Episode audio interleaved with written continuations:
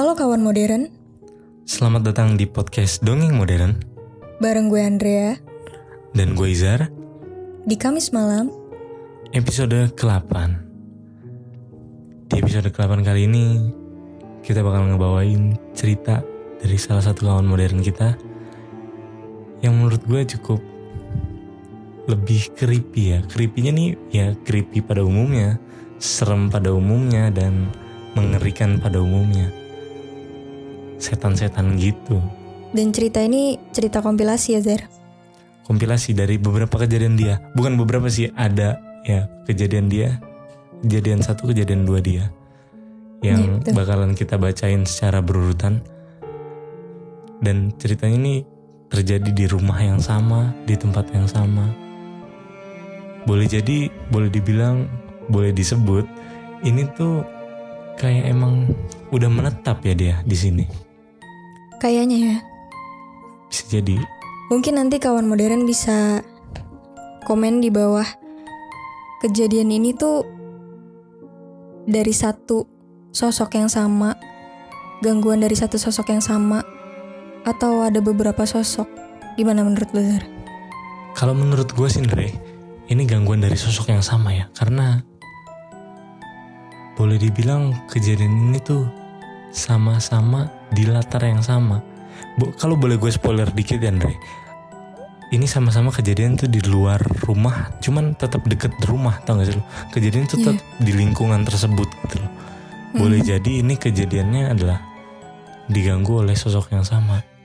Mungkin dia udah betah kali ya sama kawan modern kita yang satu ini. Iya betul. Oke, bisa langsung dibawain sama Izar ya? Oke Andre, langsung gue ceritain ya Andre. Oke. Oke, let's enjoy the show.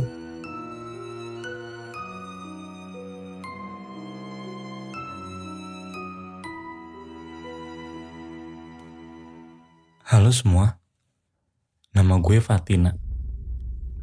Kali ini gue mau ceritain pengalaman horor gue beberapa tahun lalu.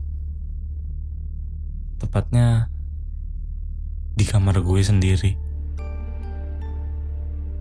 Sebelum gue cerita, gue mau jelasin dulu gimana latar dari kamar gue. Oh iya, by the way, kamar gue nih adalah kamar paling sempit, paling kecil, dan paling gelap yang ada di rumah gue. Jadi, kamar gue nih hanya punya satu jendela. Nggak terlalu besar, juga nggak terlalu kecil. Sedang lah kira-kira. Jadi, jendelanya tuh langsung keluar gitu ketika gua buka. Jadi ketika gua buka itu langsung los ke bawah. Alias jendelanya tuh kayak ngegantung gitu. Nggak ada balkon sama sekali. Kejadian ini dimulai ketika pada saat itu gue lagi tidur. Dan tepat jam 5 subuh, gue tiba-tiba terbangun karena kaget dengar suara ketukan dari jendela.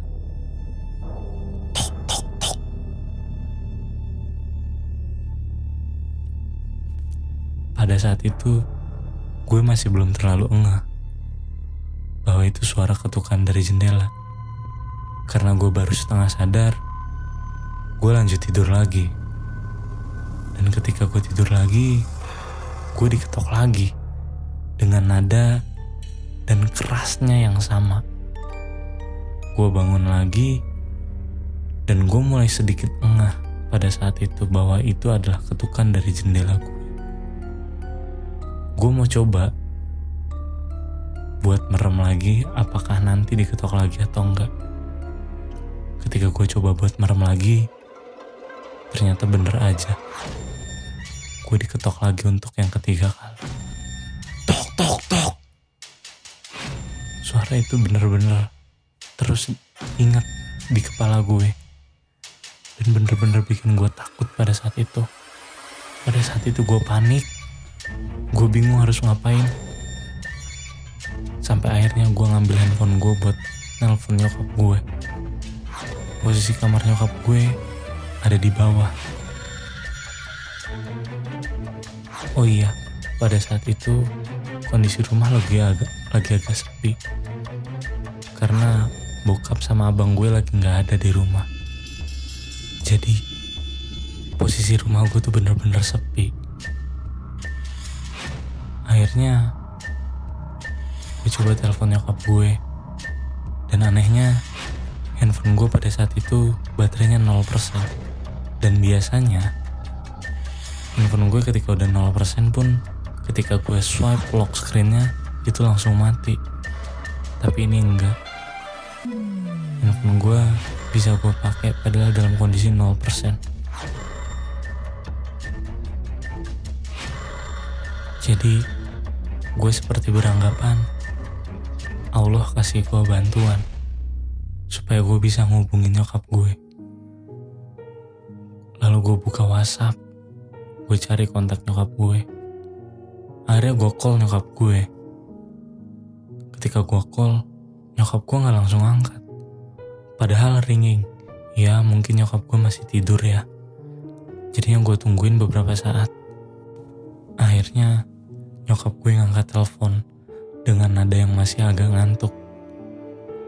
Terus gue bilang aja sama nyokap gue, Bun, sholat subuh yuk. Udah jam 5 nih. Lalu nyokap gue dengan nada agak mager bilang iya iya gitu. Karena posisi musola di rumah gue ada di lantai dua, jadinya otomatis nyokap gue nanti naik ke atas ketika mau sholat subuh. Akhirnya ketika telepon itu udah ditutup, gue coba ngeberaniin diri buat keluar kamar. Dan gue nyoba membangunin adik-adik gue. Dan ternyata adik-adik gue pada gak mau bangun. Karena mungkin masih pada ngantuk ya. Akhirnya pada saat nyokap gue udah naik ke atas. Dan akhirnya gue sama nyokap sholat berdua di musola. Buat sholat subuh. Dan gue coba doa buat menangin diri. Akhirnya gue coba buat masuk kamar lagi. Dan akhirnya gue udah tenang. Akhirnya gue bisa tidur lagi setelah sholat subuh. Terus ada kejadian juga. Ketika dan ada kejadian kedua. Pada saat itu gue lagi nonton TV nonton TV sendirian di lantai dua. Bener-bener sendirian. Gak ada orang lain di lantai dua. Cuman gue doang pada saat itu. Gue lagi asik nonton TV kan kalau mata nih punya ekor mata ya yang bisa ngelihat 90 derajat di samping kita. Dan posisinya tuh posisinya ada di sebelah kanan gue. Itu adalah pintu balkon jadi pintunya tuh ya seperti pintu balkon biasa. Dua pintu yang bisa dibuka tarik atau dorong. Lalu di sebelahnya tuh ada jendela.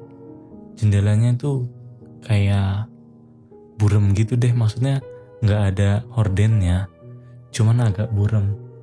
Jadi kacanya tuh ya agak burem gitu deh. Gue agak susah jelasinnya.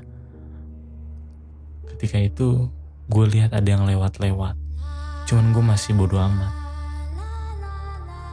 Dan gue coba buat tetap terus nonton TV dan selalu fokus buat nonton TV tapi ternyata hal itu tuh bener-bener ngeganggu gue.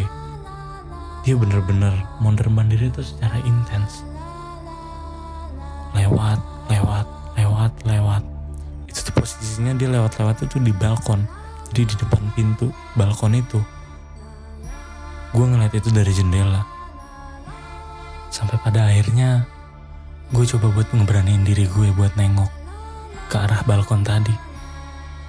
Dan akhirnya bener aja ketika gue nengok ke arah balkon gue lihat dari jendela dengan mata telanjang gue. Bayangan itu gede banget. Jalannya letoy. Tangannya terombang ambing gitu. Yang gue lihat cuman dari badan ke bawah gue nggak ngeliat kepalanya gue nggak ngeliat rambutnya gue nggak ngeliat mukanya. Gue cuman bisa deskripsiin ke lu semua bahwa makhluk itu tuh serem banget mirip banget sama Slenderman. Bener-bener letoy akhirnya gue langsung lari ke kamar adik gue buru-buru langsung ngumpet di sana. Gue deg-degan banget sampai pada suatu ketika ada teman bokap gue datang ke rumah. Dan dari bawah teman bokap gue ini nunjuk langsung ke kamar gue itu ruangan apa? Itu tempat siapa? Gue dengan sigap pun menjawab itu kamar saya pak. Lalu teman bokap gue pun bilang ke gue oh. Kamu di situ sering ada yang gangguin ya? Gue pun langsung ketakutan di situ.